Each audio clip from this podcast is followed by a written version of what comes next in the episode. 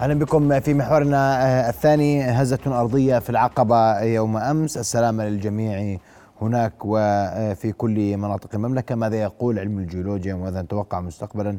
سؤال أطرحه على ضيفي الدكتور مصدوق التاج أستاذ الجيولوجيا. دكتور مصدوق مساء الخير. واهلا بك آه، في نبض بلد. رؤيا بودكاست.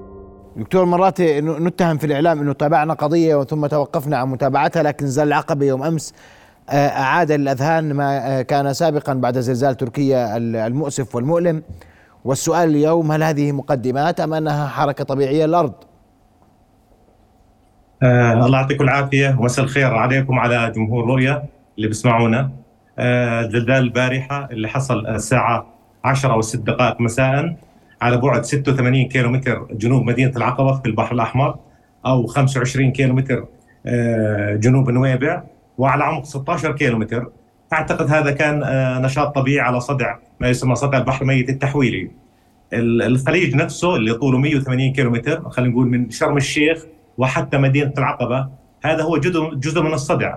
وفي هناك آه، ثلاث أحواض في داخله دكار وأراغونيز والعقبة. هذول ثلاث أحواض يحصل في داخل القلب في داخل الخليج المي نفسها يعني. يمكن هاي منطقة زلزالية وهي نشطة جدا جدا.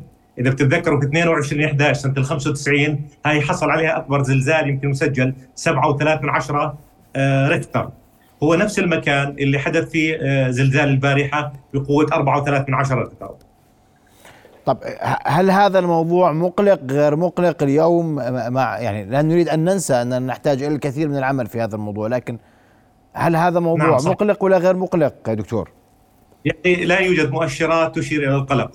هذا الزلزال امبارح ويمكن اليوم الصبح كمان في زلزال صغير صار في البحر ميت 2.7 من عشرة على عمق 23 كيلو متر فيمكن هذا اللي بصير هو من الشيء الطبيعي.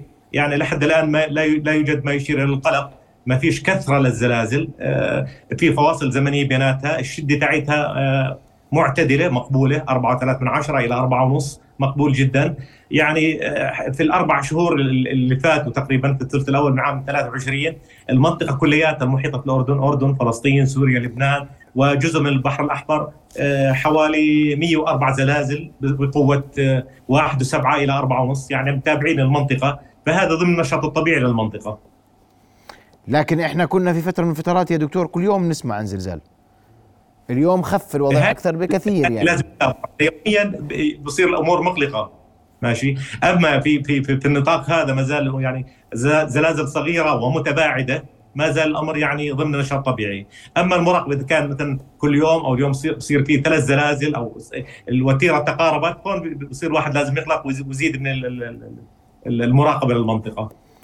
طيب أنت كنت حذرت دكتور مصدوق. أنا يعني يعني يجب أن نكون متنبهين لاحتمالية وقوع زلزال ضخم وكبير في المنطقة، هل لا زلت عند هذه التوقعات؟